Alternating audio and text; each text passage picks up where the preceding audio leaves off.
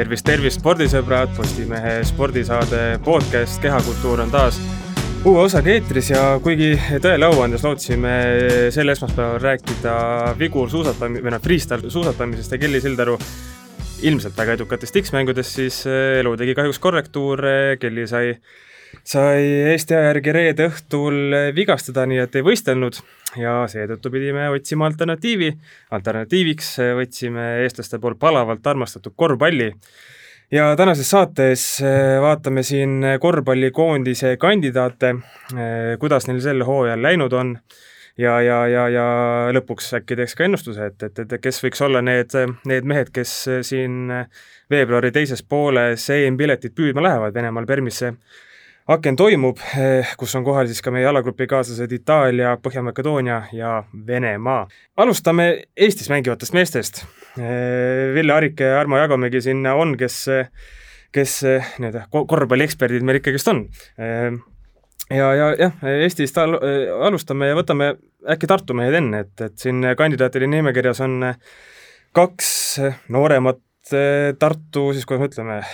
kas just liidrit, aga no tegelikult vist võib öelda küll, et liidrit, et äh, Robin Kivi ja, ja Hendrik Helme.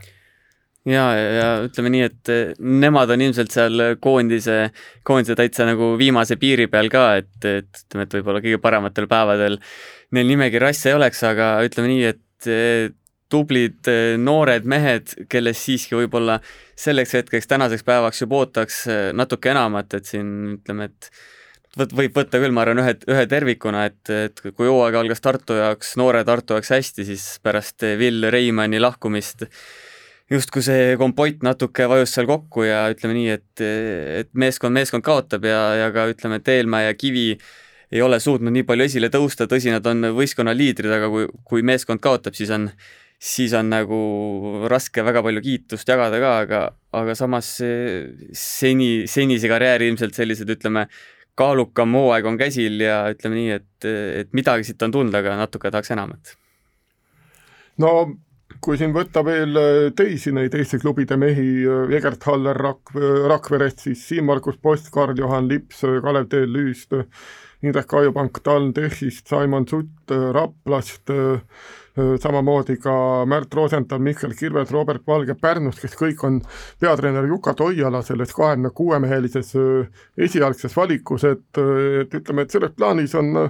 nagu Toiala ja tema abiliste valikukriteerium selge, et noh, need mehed, kes Eesti liigas midagigi näitavad, midagigi teevad, et, et need on pildil olemas siin. et see on nagu selle esialgse nimekirja point, mulle tundub, ja täiesti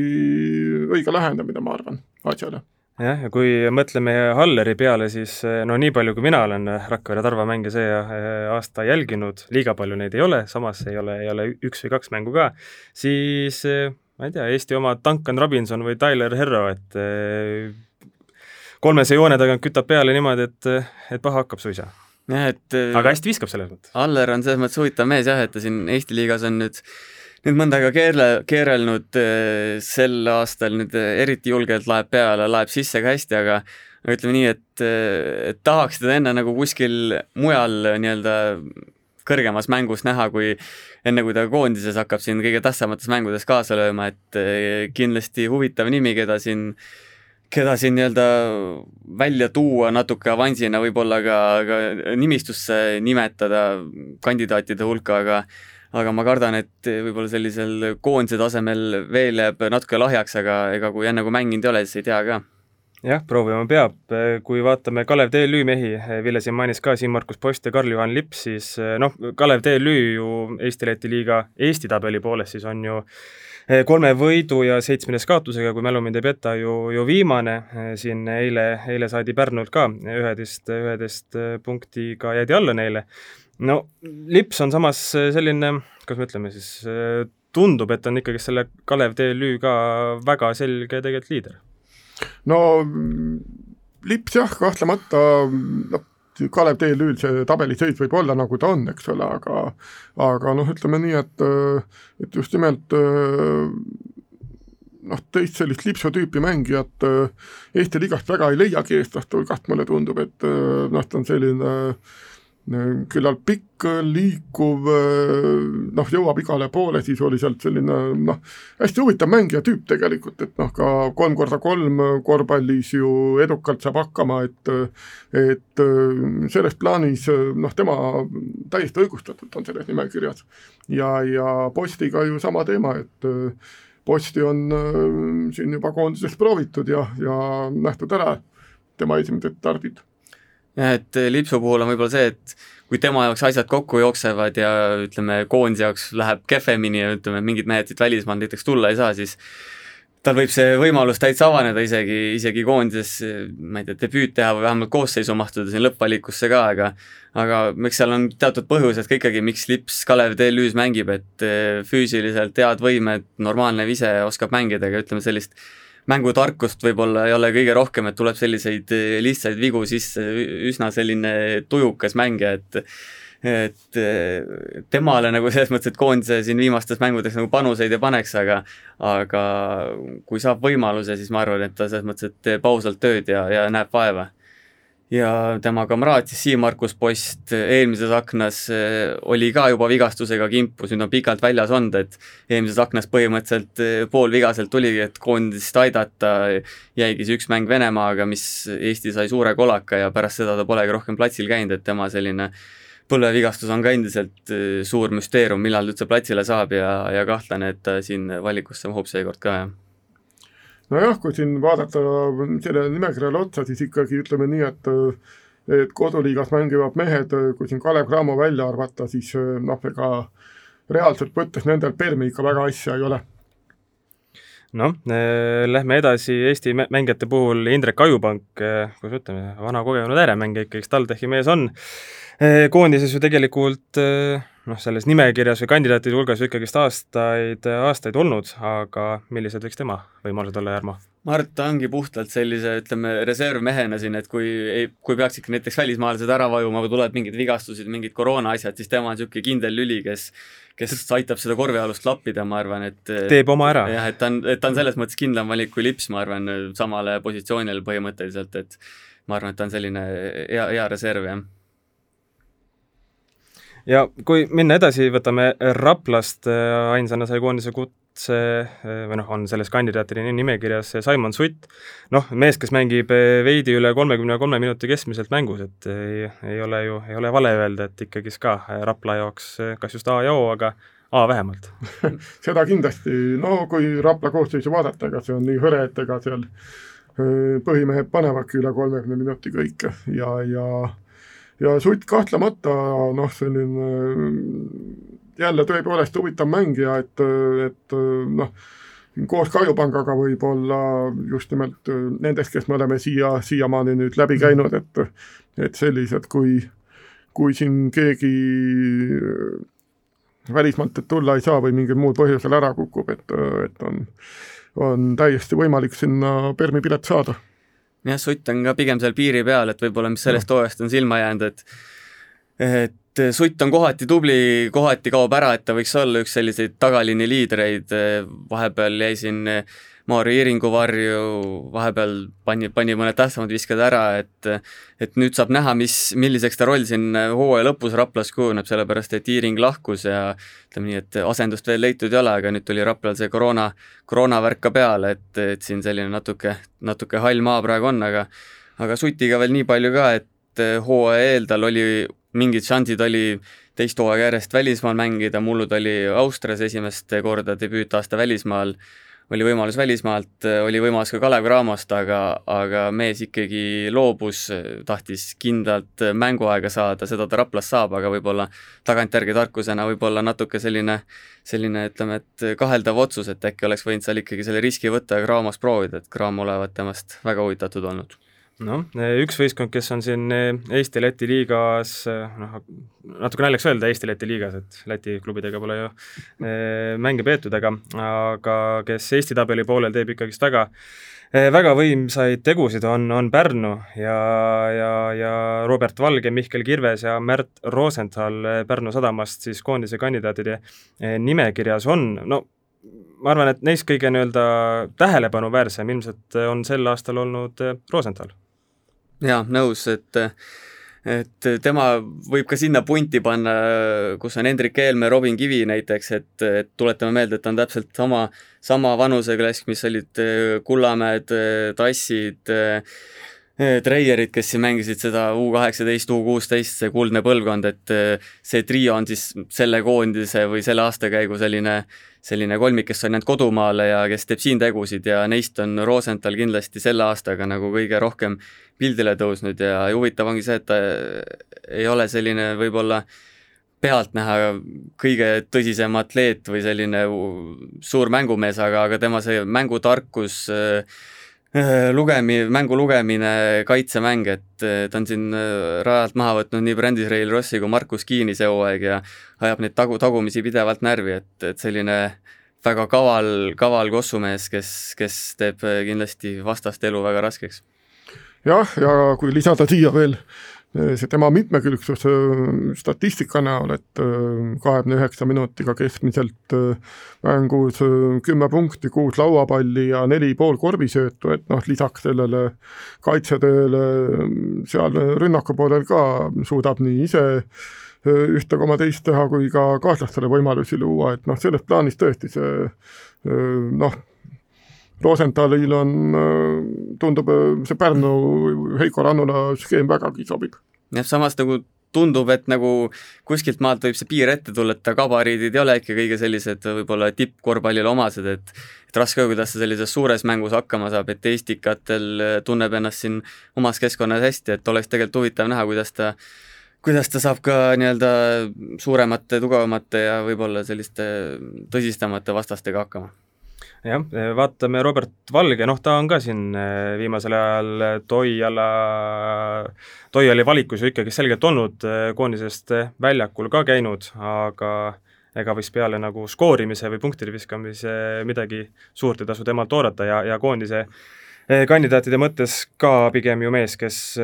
ei osutu valituks jah, mine tea, et siin ta suvel sai esimest korda võimaluse pärast siin korvpallikodus käimist, et siin suvistes mängudes ta jäi, jäi kaitses jubedalt hätta, aga, aga siis oli kuulda ka, et võib-olla see füüsiline vorm ei olnud tol hetkel kõige parem, et võib-olla mis Valge kasuks räägib, ongi see, et eh, nii puhast koorijat või viskajat ei olegi Eesti korvpallis väga tihti näha olnud, et kes kes suudab võtta põrgatuse pealt kõrgelt hüppelt viskeid, kolmeseid panna katest maha joostes, et selline huvitav persoon ja ma arvan, et kui siin päris täisrivistust tagaliinis kokku ei saa, siis siis mine tea, et, et siin ütleme, et valikute küsimus, kas võtta a la Valge või Sutt, et ühel on ühed plussid, teisel teised plussid, et see jääb, jääb otsustada nii-öelda treenerite tiimi, aga ma ei tea, äkki neljateist, kuueteist mehe sees ta võiks olla küll jah, ega ütleme nii, et siin tegelikult ju Kuusmaa ja Kullamäe aegadest saati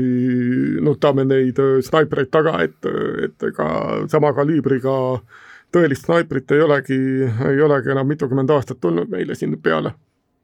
Haller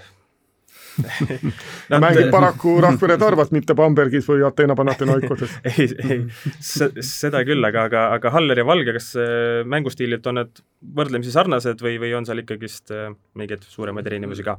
üsna sarnased, aga ma arvan, et Valge on isegi natuke, natuke veel teravama jalaga ja võib-olla selline nõksa kiirem ja, ja viskab, viskab isegi sutsu paremini, et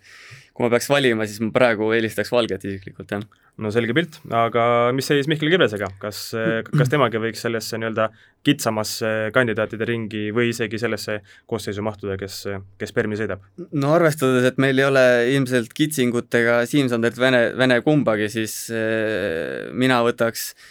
Kirvese punti küll, et eh, tal on omad selged miinused eh, viseviskeks, et seda tal pole väga kunagi olnud, see aasta on isegi mõned kolmesed ära, ära, ära visanud, aga ta on ikkagi selline mitmekülgne ja kindlasti väga võitluslik, et, ta annaks kindlasti korvi alla käigu juurde ja ma pakun, et ta võiks olla, olla valikus küll, kui siin ütleme, et jah, Kitsing jääb ka näiteks eemale koondisest, siis on, ma arvan, kirves sees kui vaatame BC Kalev Cramo meie esiklubi, esiklubi suunas, siis eh, sealt on eh, selles kahekümne kuue mehelises eh, eelnimekirjas siis on, on kuus meest ja ma ei mäleta, kes see oli, kes see seda ütles, aga portaalis korvpalli kakskümmend neli punkt ee see oli, et, et kui tahame EM-piletit, siis Sten Sokk peab olema kaasas. jaa, see oli ilmselt Sten Sokk ise? mängumeeste podcast'ist käis, käis, käis see jutt läbi, ma olen osati sellega nõus, aga ma olen võib-olla ka selles paadis rohkem, et et pigem oleks meil vaja, vaja Kristjan Kullamäed kui, kui Sten, kui Sten Sokku, et mõlemad kindlasti väga olulised, aga, aga enne võib-olla Kristjan kui Sten, aga aga jah, et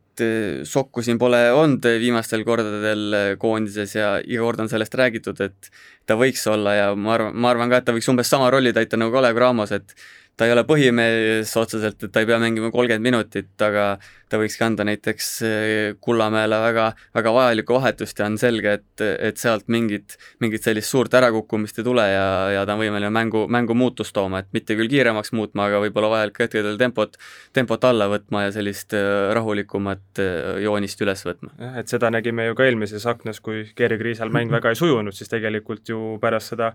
akent sai ka räägitud, et Sten Soku-sugune, sugune mängujuht oleks tegelikult vägagi marjaks ära kulunud. jah, pluss seal oli veel Kullamäe ka puudu ja oligi just, just. teine mängujuht oligi põhimõtteliselt puhtakujuliselt oli, oli post, aga, aga seda positsiooni täitis Veidemann, et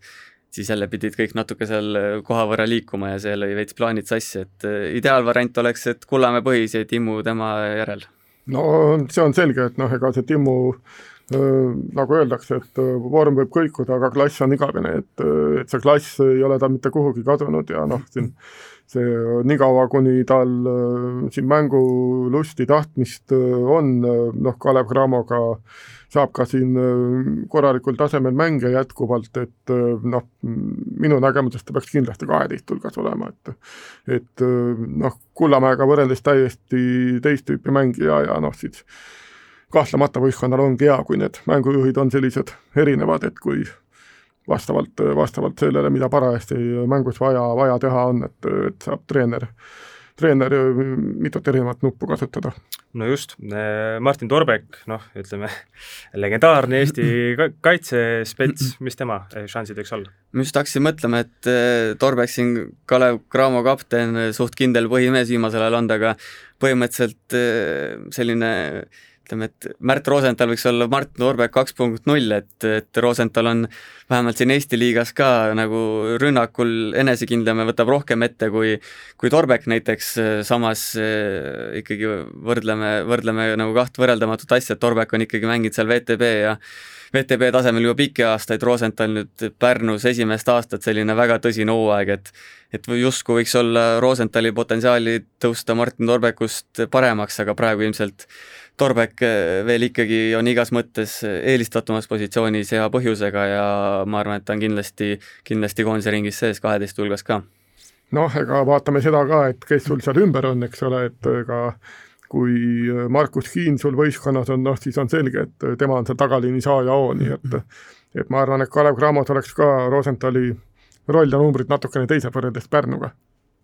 noh, kui murrame Kalev Cramo meestest rääkides äh, Selgroo, siis Janari Jõesaar, noh mees, kes alustas ju hooaega Hispaania kõrgliigas, aga tuli sealt Cramosse tagasi ja ma arvan, et Jõesaare puhul pikka juttu selles mõttes ei ole, et, et kindlasti ta selles lõplikus koosseisus on ja ja, ja ka väga-väga arvestatava siis sellise rolliga. ega tal mida, midagi otseselt muutunud ei ole siin aastakese või vähem, aga et teeb ikka samu asju, ise otseselt ette ei võta, käib ründelauas, ootab oma hetki ääre peal, murrab läbi, viskab kolmeseid sisse, et ja kindel, kindel lüli ja ilmselt ka, ka üks põhi, põhi, põhi, põhimehi koondises, jah. justament, Rauno Nurger on ka ilmselt selline mees, kes väga suure tõenäosusega selles koondise lõplikus nimekirjas on, kuivõrd korvi all ega meil nüüd liiga palju jõudu ju, ju ei ole, aga Äh, noh, Jarmo, sinu hinnangul, kuidas on see nii-öelda esimene, esimene hooaeg Nurgeril siin Eestimaal läinud? kulgenud? Nurgeri puhul on ilmselt küsimus, et kas ta on esimene või teine tsenter, olevat, olenevalt Maik-Kalev Kotsari otsusest, aga aga Nurgeriga jah, niisugused kahetised emotsioonid nagu siin paljudel ilmselt, et kohati on nagu mees olemas,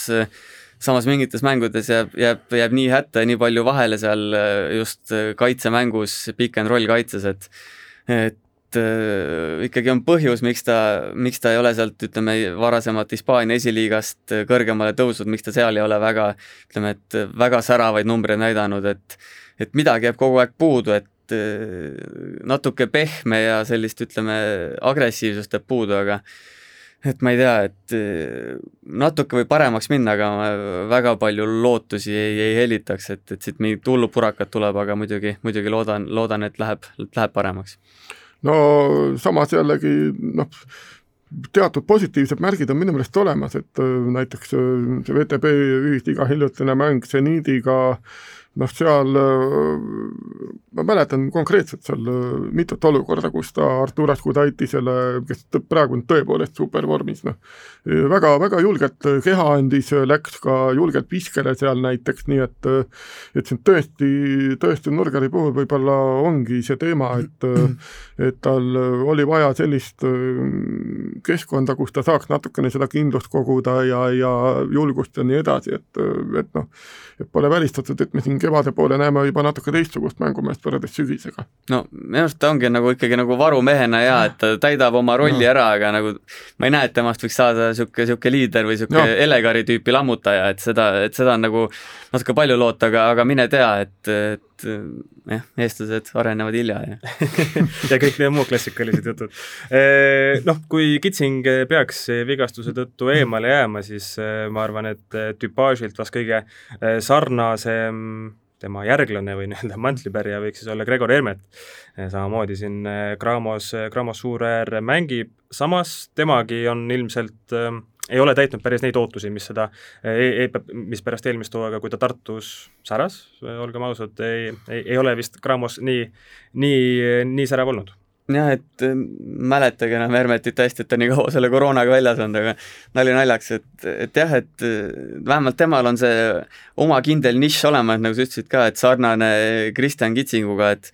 et viskab neid kolmeseid ja kui viskab sisse, siis on kunn ja kui viskab mööda, siis, siis ei ole, et tal on enam-vähem, enam-vähem teada, teada, mis, mis, mis nagu oodata võib, et sama oli ju Kitsinguga, et ega ta alguses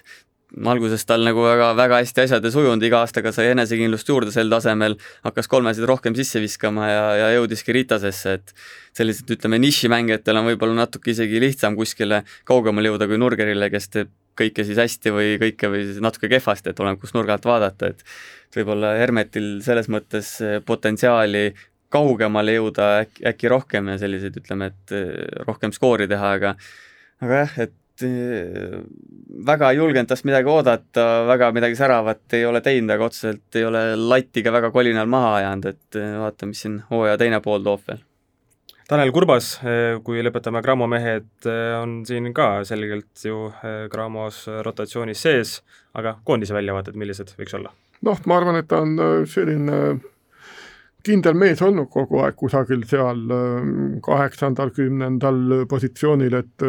et noh, noh, tema puhul on see, et treener täpselt teab, mida ta saab sealt. et noh, tema need kõikumised on sellised suhteliselt väikesed minu meelest ikkagi, et et noh, mingi liiga särav, säraja pole olnud kunagi, aga, aga, aga noh, täiesti totaalselt niimoodi ära ei kuku. et kaitses saab tema peale ilmselt loota ja, selline hea vahetus minutite andja, rünnakul ta ilmselt eh, suurt midagi juurde ei anna, võib-olla parem mõne hea pallist eemale katte, aga jah, et või teeb hea lõike, sellest ja, alati räägitakse. jah, et pigem ta on seal, pigem ta on seal ringis sees, aga ütleme, et et tema otseselt meid eh, seal Makedoonia vastu võidule ei vea ilmselt. Mida ma siin kogu aeg kuulen, on see, et noh, hea rollimees ja nii edasi, eks ole, aga ütleme nii, et kus need meie liidrid nüüd siis on? noh, äkki on siis välismaal ja, ja, ja sinna, sinna oma, oma ülevaate või eelvaatega ka siirdume ja, ja võtame esiteks ette Mikk Urkatamme, kes siin võrdlemisi hiljuti äh, Itaalia esiliiga klubis Centos siirdus, esimeses mängus ta ei osalenud, aga, aga teises mängus sai kuus minutit ja selle ajaga viskas kolm punkti, seal Itaalia esiliiga oma divisjonis on, on, on Cento siis selline keskmik. noh, ma kahtlustan, et kuivõrd Mikk siin hooajal praktiliselt mänginud ei ole, et noh, ega siis ei ole Toialal mitte millegi pealt teda ka praegu koondisse võtta no Jorka Tammega oli niisugune huvitav lugu jah, ta ju pidi minema USA ülikooli, mis tuli suve teises pooles üsna ootamatult, lõpuks see jäi koroonaviiruse tõttu ära, nüüd ta vist ei, ei lähegi sinna, ma ei tea, kas järgmine aasta läheb või läheb, pigem ei lähe, aga aga tal oli siin ka, ütleme, august-septembris variant üleval, et, et liituda Kalev Cramoga, jälle tagantjärgi võib öelda, et kahju, et ta selle variandi, variandi käest ära lasi. Siin ütleme november, oktoober, kuskil sealkandis oli juba selge, et USA-sse ei lähe, siis olid need sillad põletatud, et nüüd tagantjärgi vaadata, siis Cramol oli tegelikult ju väga sageli väga nagu ka hõre koosseis, et eh, Jurkatam oleks saanud hea võimaluse nii Eesti liigas kui ka kui ka VTB-s, et et, et vaatame, mis siit edasi tuleb, aga suvel sai temast koondise suhtes esimese pildi ette, et see oli, see oli ikkagi üllatavalt hea, et ta siin Soome vastu lammutas kolmeseid, pingutas kaitses, et selline kahemeetrine tagamees, ma ei tea, kui siin jälle tuua mingit sellist meelevaldset võrdlust natuke, siis Gregor Arbet kaks punkt null jälle võiksid tulla näiteks tulevikus, aga aga sinna muidugi pikk tee veel minna, aga, aga potentsiaali justkui oleks jah, et ähm, seda kindlasti, lihtsalt praegu ütleme, et selles aknas on nüüd tõesti raske näha, et kuidas, kuidas ta sinna Permi, Permi äh, rongile saaks. nõnda on, Hispaania esiliigas on meil äh, kaks meest, äh, esiteks Jaan Puidet, kes siin hooaja noh, kas just keskel, aga, aga hooaja jooksul TalTechist Real Valladoliidi liikus ja, ja ütleme, kui, kui vaadata seda statistikat ja, ja natukene ka seda, mida seal Hispaanias on tema kohta räägitud, siis eh, ega Jaan Puidet Hispaanias on selline Jaan Puidet, kes oli ka Eestis, et eh, mitmekülgne ja, ja tegelikult nii-öelda meeskondlikus mõttes ju väga-väga hea lüli. Jaa, enne kui ma Puideti juurde lähme veel, ma tahan, unustasin ühe asja Jurkatamme juures ära, et tervitame siin kuulsat Sixten Tomingat ka, personaaltreenerit, kes on terve sügise ja talve siin Jurkatammega tööd teinud, enne kui ta Itaaliasse läks, et küllap ta on heas vormis ja vähemalt viskekäsi on paigas aga Puidetiga jah, et Puidet Valladoliid juba nii-öelda hoidis seda radaril juba suvel, siis oli, käiski võitlus mm, koondisekaaslase Martin Paasoja, kes nüüd viga sai, siis korjati Puidet üles, Puide, Puidet võttis võimaluse vastu ja ütleme, et need keskmised näitajad ei ole üldse mitte pahad ja ütleme nii, et kui sa oled satsis, kes võitleb ikkagi Hispaania kõrgliigasse pääsemise eest, siis siis müts maha, et ma seal, seal tema mänge veel näinud ei ole, aga siin, kui ta Eestis eh, TalTechis oli, siis ikkagi oli, ütleme, et üleliiga mees, et eh, mängis rünnakul, mängis kaitses, eh, võttis lauda, andis söötu, et, et sel hetkel TalTechis pidigi kõiki rolle täitma, sellepärast et, et seal asjad hästi ei sujunud, aga aga jah, et ka selline väga võimekas füüsiliselt, võib-olla kohati jääb sellist mängutarkust natuke väheks samas, äh, samas ikkagi saab igal pool hakkama, kus ta läheb ja, ja pole põhjust arvata, et ei peaks ka, ei peaks ka valodeliidis hakkama saama, aga, aga koondise seisukohalt raske öelda, siin oleneb, kes siin tagameestest nüüd tulla saab, kes ei saa, et ma arvan, et ta on seal piiri peal, kas neljateist hulka näiteks mahtuda. Ja kui võtta see teine Hispaania esiliigas mängiv eestlane ette, siis jõuamegi Kristjan Kullamäe juurde, noh, ma arvan, et ei ole ju kahtlust, et, et kui ta peaks koondisesse, koondisesse saama tulla, eelmine kord ju ka tegelikult eh, oli ju soov, soov ja tahe olemas, aga, aga klubis oli, oli koroona ja, ja, ja sinna see värk läks, siis eh, rünnakul on ta kindlasti Eesti A ja O, vast võib isegi öelda ja,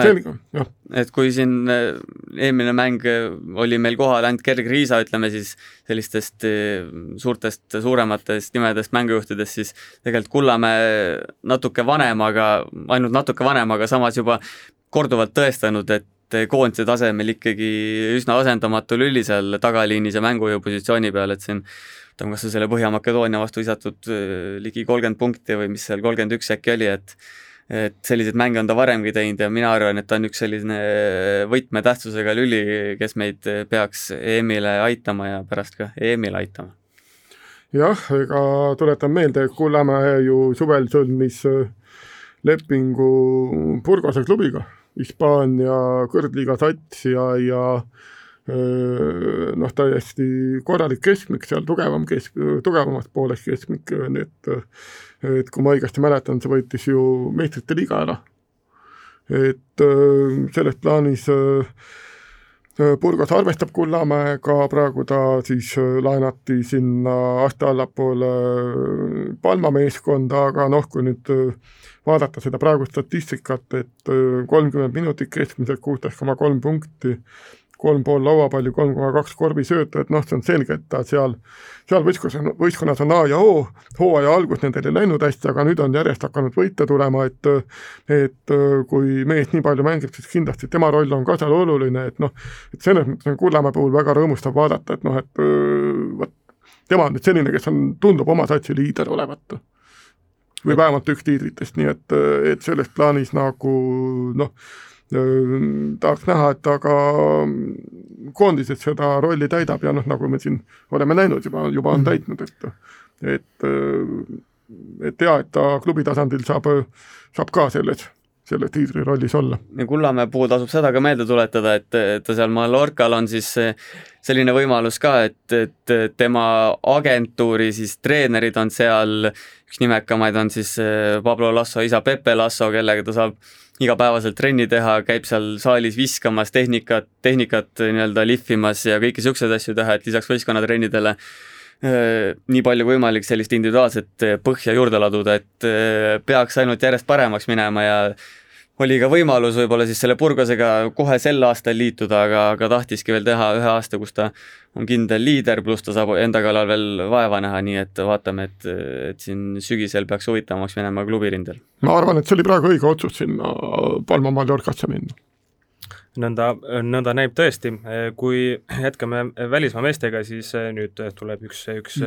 kuidas ütleme, klassikaline mängujuht, Rait Rivolane Rumeenias, Mirku Reas, ta mängib, noh sealgi on ju tegelikult koroona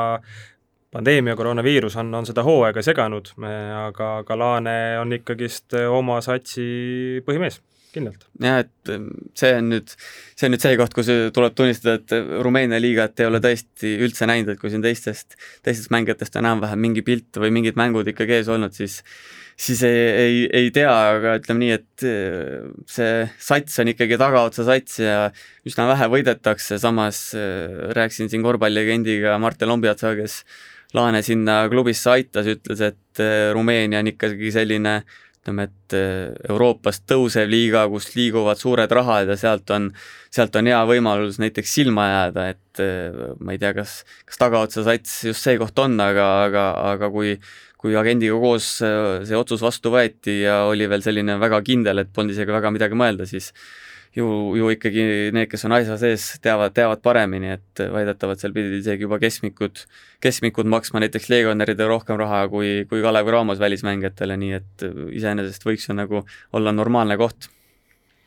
noh, eh, Saksamaal on samamoodi meil paar meest ja, ja alustame esiliigas mängivast Rain Vende-, Rain Veidemannist, Rostocki Siibulsis ta kuulsa, võib isegi öelda, et legendaarse Dirk Bauermanni all, all müttab ja, ja on sealgi ju tegelikult äh, kenasti rotatsioonis sees, keskmiselt kakskümmend kolm minutit mänguaega ja ka võrdlemisi mitmekülgse statistikaga ja ja kaksteist koma kaks punkti mängus ei ole tegelikult ju teps mitte paha näitaja, eriti arvestades fakti, et võistkond on esiliigas esimesel kohal üheteist võidu ja nelja kaotusega. Et see ongi just kõige õvem näitaja, et kui sa oled satsis, mis võitleb ikkagi esikoha eest ükskõik mis liigas, siis siis asjad on hästi ja sujuvad, aga võib-olla kõige, kõige parem märk on see, et et Bauermann, legendaarne mees, nagu ütlesid ka, et ta on kuulda olnud, et tema see põhikreedo on, et kaitses tuleb mängida ja ütleme nii, et Veidemann võib-olla sellega ei ole kõige rohkem säranud, aga kui kui sa mängid ikkagi üle kahekümne kolme minuti, siis eh, Bauermanni käe all, siis sa pead ka kaitses kõvasti rügama ja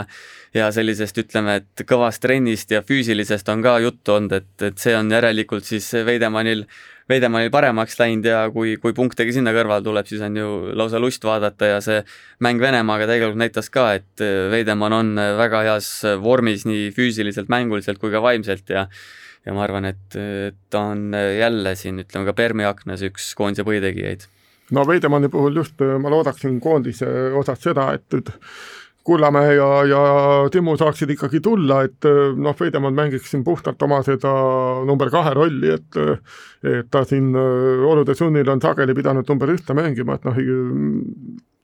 kui ta on heas vormis, ta on tubli, ta teeb ära need asjad kõik, mis ta peab tegema, et aga, aga noh, et just selleks, et et nii-öelda see kõige kasulikum osa kätte saada, et siis, siis ta selgelt number kaks, noh ta ju ka Rostocki kohta on öelnud, et et sealne mängujuht on ju põhimõtteliselt ainult palli ületoomiseks ja, ja noh, seal kaitses vastaste mängujuhile surve avaldamiseks, et et, et kahtlemata noh, sa siin ütlesid, et ükskõik mis liigat, kui võitled esikoha eest, on kõva, et noh, ütleme nii, et kui sa Saksa kuuendas liigas võitleksid esikoha eest, siis ma väga ei ütleks seda, aga võistlen. aga, aga siis sa ei ole koondise kandidaatide ringis ilmselt, kui sa kuuendas liigas ei, oled. absoluutselt, absoluutselt jah. ja aga no jalgpallis näiteks on olnud, eks ole, selliseid asju, noh, keegi siin oli vahepeal Poola kuuendas liigas. no ja ma tean, ma tean väga hästi, et mitte, mitte enda tahtel, eks ole, noh aga, aga noh, kahtlemata see, kui sa nüüd Saksamaal võitled selle Bundesligasse pääsemise eest, et noh, see on normaalne tase ah,. jah, ma võib-olla siin Laane juurde korraks veel naasta, siis et jah, et kui on, ütleme, et eh, Sokk, Kullamäe ja Veidemann on rivis, siis ma ei näe, et Laanel oleks kohta koondise või ta peaks seal olema, et siis nad saavad kolme peale selle number ühe koha ära jagatud, isegi kui, kui läheb vaja kolme peale jagada, et, et siis jääks Laane välja, aga muidu võib-olla Laanel seal võiks olla koht koondises ka teine Saksamaal mängiv mees on kõrgliigas ja tema nimi on Maik-Kalev Kotsar, noh, ma arvan, et praegu välismaal mängivatest eestlastest on ta sellisem, kuidas me ütleme, kõige huvipakkuvam kuju, et, et koondises pole teda ju pärast seda, kui ta Saksamaale läks, pole näinud, aga Saksamaal ta mängib ma ei tea, suurepärane on, on, on võib-olla natuke liiga, aga väga hästi kindlasti, et eh, võistkonnas, kes eh, on kuuendal kohal ja Saksamaa mm, kõrgliiga on ju Euroopa rahvusliigadest ikkagist selles kindlasti tugevamas ešelonis, siis, eh, siis Kotsaril kaksteist koma üheksa punkti, kuus koma kaks lauda mängus on, on, me ju teame, et tema tugevus on, on, on, on ka kaitse ja ja, ja tegelikult ka selline, kuidas me ütleme, mängu lugemine või mängutarkus on, on tal samamoodi hea no ja kõik mängud algviisikus veel. et noh, see on äh, ka ikkagi väga selge kvaliteedimärk minu meelest. ma arvan, et see suurepärane isegi ei ole liialdus, arvestades, et arvestades, et ta on nii stabiilselt mänginud pärast seda, kui ta tuli ikkagi nelja-aastase USA ülikooli korvpallikogemuse pealt, et, et pidevalt üle kümne punkti ikkagi mängus, pidevalt üle viie, viie laua mängus, et ühe korra vist ongi kolmeteistkümnest mängust alla kümne punkti visanud, et et selline äh, nii kindel lüli, kes saab, äh, kes saab kogu aeg, kogu aeg kiita, et, et äh, siin nüüd nendele, kes siin hooaja alguses mõtlesid, et mis asi see Hamburg Towers on ja kuhu kohta ta läheb, et miks ta läheb Saksamaa kuhugi, Saksamaa meistriliiga kuhugi mudasse, siis need said korraliku ninanipsu, sest Towers võitleb ka kõrgemate kohtade eest, palju mänge võidetakse, Kotsar teeb suurepärast tööd ja nagu ta ka hooaja eel ütles, siis see, see treener, kes seal on peatreener, ongi umbes sarnane Frank Martiniga, kes oli South Carolinas ja ütleme nii, et see Saksa liiga mängib ka võib-olla sellist sellist ameerikalikku korvpalli rohkem, sest seal on päris palju jänkisid, tuuakse sinna liigasse sisse, et, et see koht talle sobib ja seal tal läheb hästi ja ma arvan, et kui ta koondise tuleb, siis ta on ka meil ikkagi põhitegija ja meil on, on teda, on teda vaja ilmselt sama palju kui, kui head mängujuhti. Jah, ega ütleme nii, et öö, millised need Saksa liiga tipud on, me saame küllalt sageli näha öö, teleri vahendusel Euroliigast siin Müncheni, Bayerni ja Berliini Alba mänge näeb päris palju, nii et öö, ega see Hamburg on praegu seal suhteliselt sarnasel tasemel nendega, nii et selles plaanis nagu noh, saab äh, ka ilma mänge nägemata pildi ette, et äh, mida see Hamburg seal endast suures plaanis kujutada võib. Jah, järgmine nimi on meil Vilniuse riitase Kristjan Kitsing, noh, kandidaatide nimekirjas ta on, samas äh, vigastusega mees kimpus on, nii et eks ole näha, kas, kas saab ennast koondise jaoks õigeks ajaks korda või mitte noh, Riitase puhul on ju ka siin äh, räägitud, et, et äh, meistrite liigas jäädi ju oma äh, alagrupis viimaseks, sealjuures mõned mängud olid ikka täitsa õudsed, et endal õnnestus ka siin, see oli vist viimane alagrupi mäng või eelviimane Riia VEF-i vastu vaadata, kus oli ikkagi täitsa, täitsa puder ja kapsad see kõik olukord, Donaldo Skairis, kes Eesti korvpallifännidele tuttav Kalev Cramo päevilt sai ka sule sappa sealt, nii et Riitases on sellised, kuidas ütleme, muutuste keerises ollakse. aga kui kindel võiks olla Kitsingu koht selles klubis? Ütleme nii, et Kitsingul käib ikkagi võidujooks ajaga ja tundub pigem ebatõenäoline, et ta, et ta mängib, sellepärast et meniskoperatsioonil käis, et see neli nädalat, mis oli prognoositud paranemiseks, peaks umbes mingi paar päeva enne koondise kogunemist kogunemist eh, nii-öelda kukkuma, aga, aga tundub kuidagi, kuidagi väga raske, raske loota, et ta selleks ajaks rivis on, kuigi kuigi kui ta on, siis ta on kindlasti pundis sees ja kindlasti on tähtsas rollis, et okei okay,, ma ei tea, seal võib ju ajastada selle peale, et äkki Põhja-Makedoonia vastu mängida viimast mängu, aga, aga see on ka niisugune, niisugune riskivärk, et eh, tahaks, et ta oleks, aga vist pigem peab arvestama, et ei ole noh, ütleme nii, et äh, ma kahtlustan, et äh, seal võib ka klubi poolt tulla väga selge soovitus, et äh, kuule mees, mõtle nüüd natukene, sa ei ole mänginud üldse ja nüüd lähed sinna, paned Permis nelja päeva jooksul kolm mängu, põrunud oled peast või? Ma arvan küll, et äh, noh, Leedus, Leedus äh, ta sellise sõnumi saab, juhul kui, juhul kui seal tõepoolest äh, see paranemine on selline hea kiirusega, et noh, pigem oleks loogiline, et enne koondist ikkagi ka mingi klubi mängu saab alla näiteks, noh. aga, aga kui seda ei saa, siis ma kahtlustan, et ta Perme ei lähe no mis Ritast puudutab veel, siis see terve hooaeg on neil olnud selline väga kummaline, et alguses oli neil ju probleeme pikkadega, seal ühed mehed said vigastada, keegi läks ära, et see, tänu sellele sai ju kitsing ka punti, et üks Leedu mees sai tõsise vigastuse, siis äh, langesid seal jälle mingid vennad rivist ära, siis, siis jõudsid probleemid tagaliini seal, Demetrius Jackson ja äh, Andre Kodelok seal äh, olid ka mingisuguste probleemidega, Jackson läks minema jooksis äh, võistkonna rünnak kokku ja nii edasi ja nüüd siin ütleme, et Champions League'i mängudes äh, kaitset polnud ollagi, ühes mängus lasti vist sada kakskümmend endale panna, et et äh, Kairist hoiti seal isegi kaua ja, ja ma ei tea, et siin räägitakse, et kas Kitsing jääb või ei jää nüüd, kui kui Kairist ei ole, aga ma arvan, et hooaja lõpuni mängib ikkagi ära, aga eks siis ole näha, mis, mis edaspidi saab. siis aga... tuleb Stelmacher see ütleb, et Kristjan, ole hea, jää jah, see, see on ka variant, aga, aga jah, et, tore, et ta sinna Ritasesse sai, aga ütleme, et see ei ole päris selline kuldaja Ritas ikkagi. nii on. kahjuks küll. Itaalia kõrgliigast leiame kaks eh, eestlast ja, ja võtame eh, esimesena ette Henri Trelli, kes noh, hooaeg algas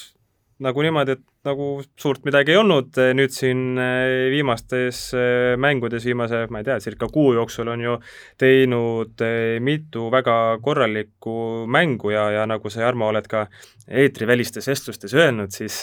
siis ei ole ainult nii-öelda silma paistnud enda punkti viskamise või skoorimisega, mis ründemäng, me ju teame, on, on trelli kõige suurem trump, vaid on ka kaitses ikkagist, ma ei teagi, üll-, üllatavalt tubli olnud. jah, et kui ta mängib seal nii noore mängijana Jasmin Repesse käe all, siis see on ainuke viis, kuidas endale minuteid teenida ja ütleme nii, et isukust on ikkagi läbi telepildi näha, et et trell on, trell on jalad liikuma saanud ja nagu öeldakse, siis kaheksakümmend üheksa, ühe, kaheksakümmend kuni üheksakümmend protsenti on tahtmises kinni ka, et paistab, et see mõned, mõned asjad on, on peas ka paika loksunud, et, et, et see, et sa oled kaks null seitse pikk ja sul on ülipikad käed, see, see juba annab eh, eelduse selleks, et ole hea kaitsemängija ja, ja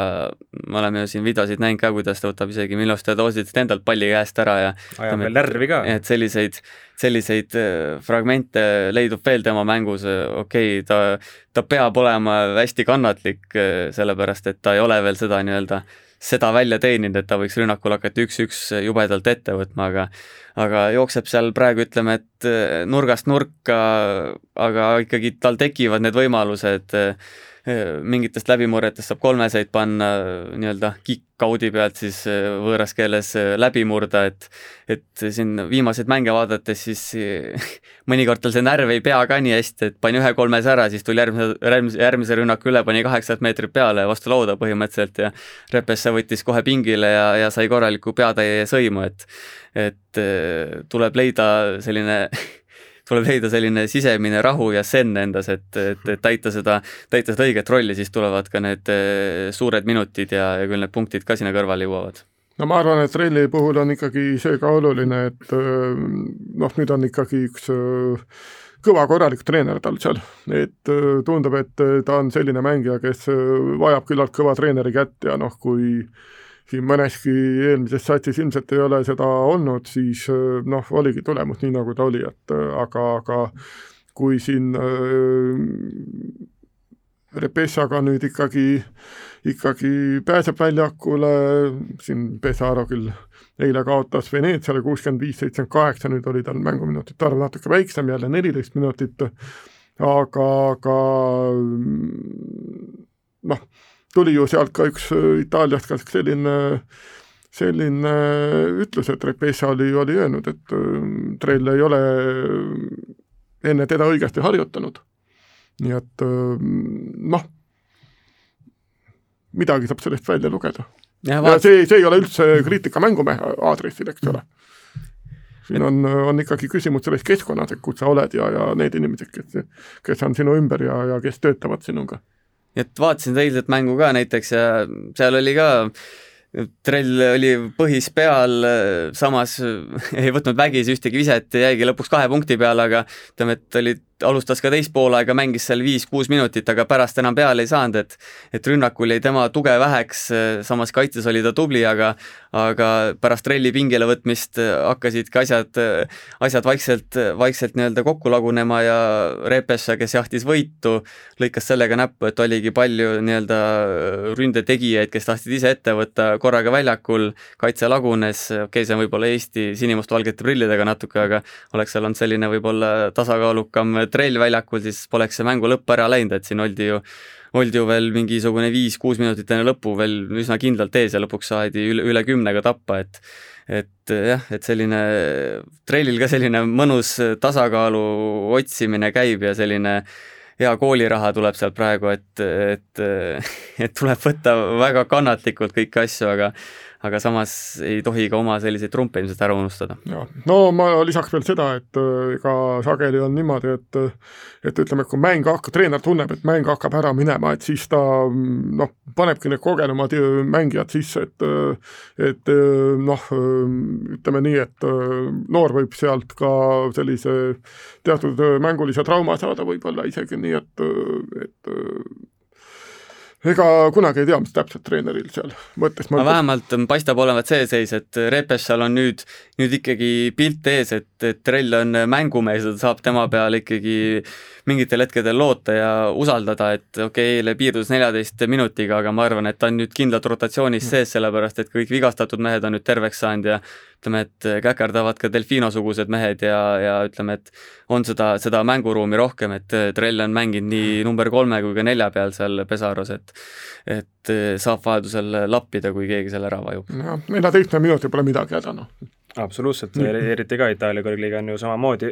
Euroopa rahvusliigade arvestuses ikkagist eh, selgelt tugevamate hulgas. noh, kui Trell ja Pesaro on, on Itaalia kõrgliigas kaheksandal kohal, siis äh, Kaspar Treier ja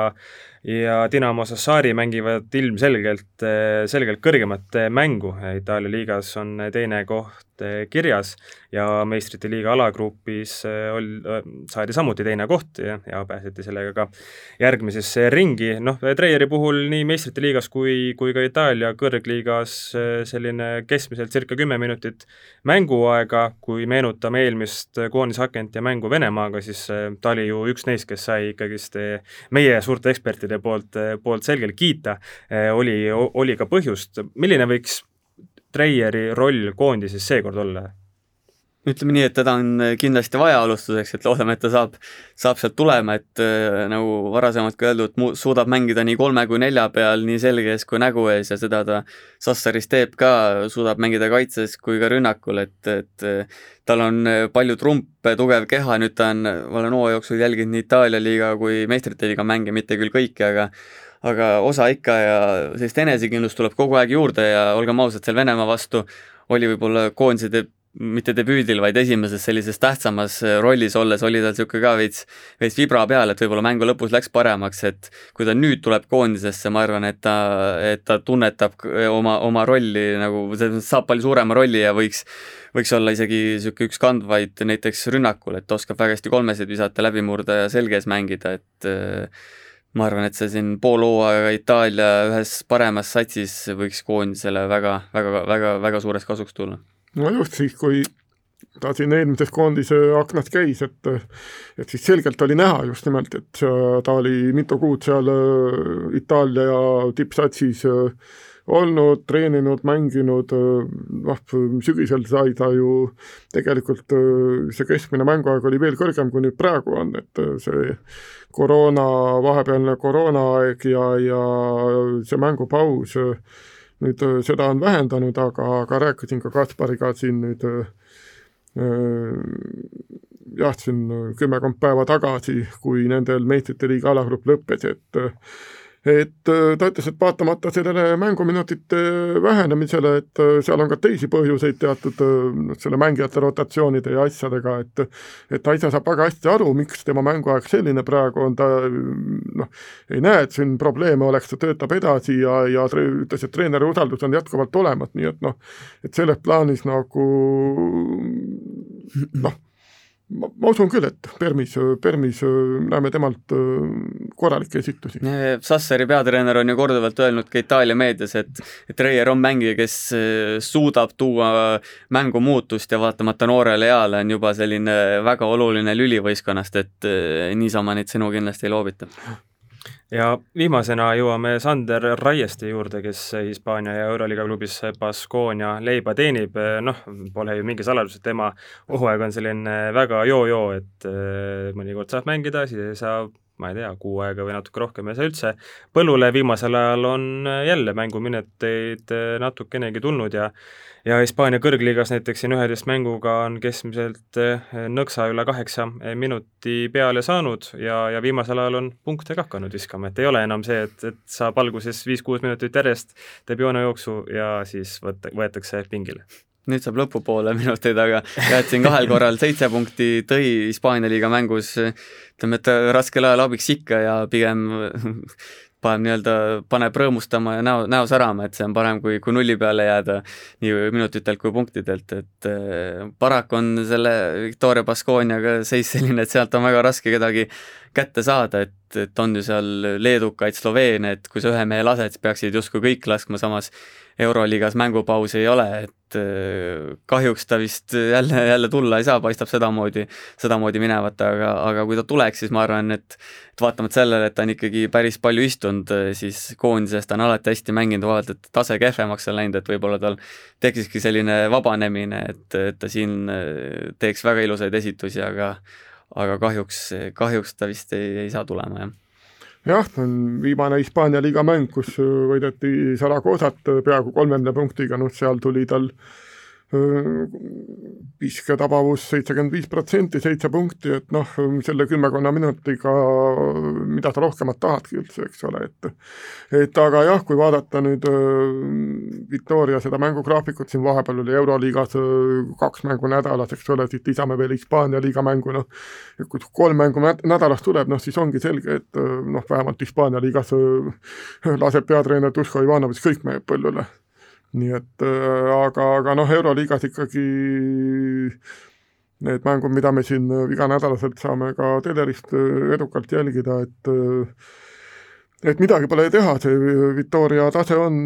ikkagi natu, natu, natukene kõrge veel võib-olla. et noh, samas ta saab igapäevaselt nende meestega koos harjutada ja noh, täiesti selgelt Sanderi enda tase ka kasv-, noh, kerkib selle, selle aastaga kindlasti, nii et noh, et äh, keskkond, keskkond iseenesest on väga hea muidugi, et äh, vaatab, kuidas Victoria viimati Žalgirist võitis kolmeteist punktiga, no väga ilus mäng oli. No äh, kui siin peaksime nüüd ennustuse tegema, et, et milline see lõplik sats võiks olla, siis Jarmo, võttes arvesse vigastusi ja muid, muid aspekte, siis milline oleks oleks sinu nii-öelda lõplik mm. koondise ma just hakkasingi ma selle mõtlema, mõtlesin, et paneks kümme meest, et igale positsioonile kaks ja mis tundub nagu, tundub nagu reaalne ka, et äh, alustame number ühe pealt, et äh, Kristjan Kullamäe, Sten Sokk võiks selle koha ära jagada, number kahe peal äh, Rain Veidemann, Martin Torbek, kolme peal Janar Jõesaar, Hendrik Trell, nelja peal Kaspar Treier ja eeldatavasti siis ikkagi Gregor Hermet, ma arvan, et äh, Kitsing ei saa tulema. ja viie peal äh, Kotsar ja Nurger näiteks. mulle tundub niisugune päris, päris arvestatav sats Ville? noh, ütleme nii, et äh, kuulajad kindlasti tahaksin äh, sulgeda lendamist ja verd näha, aga, aga noh, kahjuks, kahjuks ma midagi ei saa parata, et Armo luges siin täpselt need mehed ette, kes siin peavad olema, noh, paneme siin a la Kurbase juurde ja, ja noh, eks siin peatreener Juka Toiala ise vaatab, et, et keda ta veel tahab, et et arvestades asjaolu, et nüüd Permis peetakse lühikese ajaga kolm mängu, siis ma kujutan ette, et seal mingi neliteist meest võetakse kaasa, et noh, tegelikult siin suures plaanis siin igale positsioonile kolm meest isegi enam-vähem, nii et noh, et aga, aga noh, nüüd see ongi juba täiesti selline äh, isegi võib-olla peatreeneri viimase hetke tunnetuse küsimus, et keda ta seal treeningute pealt vaatab, et ta tahab kaasa võtta veel, nii et ja, pakun, aga noh, need, need kümme meest võiksid küll seda põhirahvust kanda ju. jah, ma pakun, et äkki võikski saada siit järgmistena võimaluse siis ma ei tea, Kurbas näiteks no Kurbas kindlasti ilmselt ju. Kurbas, Kirves näiteks, miks mitte isegi miks, miks mitte isegi Rosenthal näiteks mm -hmm., võib-olla Raitri Valane, et siin variante on, et ma siin seda alumist viisikut väga ei usu, Post, Lips, Aller, Helme, Kivi, et eh, nendel pigem kohta ei näe, aga ülejäänutest võib nagu, võib nagu nii mõndagi juhtuda mm. -hmm. Sellest olulisem küsimus on aga see, et kas hm. Eesti siis lunastab eh, Permis EM-pääsme või, või mitte, seisud praegu on ju täitsa korralikud, samas meie põhikonkurent selle koha peale, Põhja-Makedoonia ei tule ka ju, kuidas me ütleme siis, ei tule mütsiga lööma, et, et seal koondise peatreener ju, ju, ju hiljuti ka rääkis, et ta on väga rõõmus, et Voidan äh, Stojanovski ja Jacob Wiley äh, on, on ka koosseisus olemas, nende siis kaks kõige tähtsamat mängijat ja Wiley ju pidi ka siin, äh, siin Tallinnas mängima eelmise akna ajal, aga, aga tuli koroona ja, ja läks nagu läks no kui siin enam-vähem niisugune kümme meest kokku tuleb vähemalt, keda ma alguses nimetasin, siis ma ei näe kuidagi oma peas varianti, et võiks eh, Põhja-Makedooniale kaotada, et eh, mina, mina arvan kindlalt, et saame EM-ile ja noh, ütleme nii, et kui me Põhja-Makedooniat võidame, siis siis eh, Põhja-Makedoonia peab kõik ülejäänud mängud võitma, aga ma ei usu, et nad, et nad võidavad no,. ühesõnaga saame EM-ile, jah. noh, siin on muidugi huvitav see, et selle Põhja-Makedooniaga me mängime nüüd ju kõige viimasena kõigepealt äh, Itaalia, Venemaa ja, ja siis äh, siis veel äh, üks mäng otsa seal, noh samas muidugi makedoonlastel on, on ju üks lisamäng veel all seal. Nemad mängivad lausa neli mängu seal Permi mullis, nii et nemad siin Tallinnas ei saanud üldse midagi mängitud. et, et eks saab näha, mis seal, seal võivad need väsimused rolli hakata mängima ja, ja küsimus, kuidas treenerid mängijaid seal jagavad äh, koormust ja nii edasi, et, et selles mõttes selline päris, päris korralik taktikamäng ilmselt. Jah, loodame väga, väga ka seda, et ei juhtuks seda asja nagu Tallinnas, et on mingisugune selline väiksem koroonakolle, mis tõttu peaksid asjad kuidagi väga segaseks minema, et ega siin EM-ini küll aega on, aga, aga rahvusvaheline korvpalli graafik on, või noh, nii-öelda korvpalligraafik on ikkagist ju tihe, et, et, et, et kui siin peaks jälle mingisugune koroona jama olema, et siis eh, jumal teab, kuidas, kudu-, mismoodi ja millal eh, lõpuks need eh, edasipääsejad siis selguvad. jah, samas ei tasu nagu ära unustada, et mängime ikkagi kolm mängu ja et et siin üheksateist veebruar meie jaoks see aken pihta hakkab, et võtame Itaalia ära, kes võib-olla tuleb veel nõrgema koosseisuga, nad siiani mänginud on valiksarja ja on meil kohe elu põhimõtteliselt lill ja ei peagi nii, nii palju enam selle lõpu pärast muretsema, et eh, palju on juttu sellest eh, kahekümne teisest veebruarist ja Põhja-Makedooniast, aga aga võtame alustuseks Itaalia ära ja oleme juba mäel põhimõtteliselt. Nonii, aga loodame, et korvpalluritel läheb hästi, kehakultuuris korvpallijutt noh, mõne nädala pärast ikka ja jälle ja, ja aga järgmine nädal saab äkki juba välja reklaamida, et väga tahame rääkida laskesuusatamise MM-ist, mis järgmisel nädalal algab, loodame, et, et nii ka läheb. Ja kohtumiseni siis juba nädala pärast, aitäh kuulamast!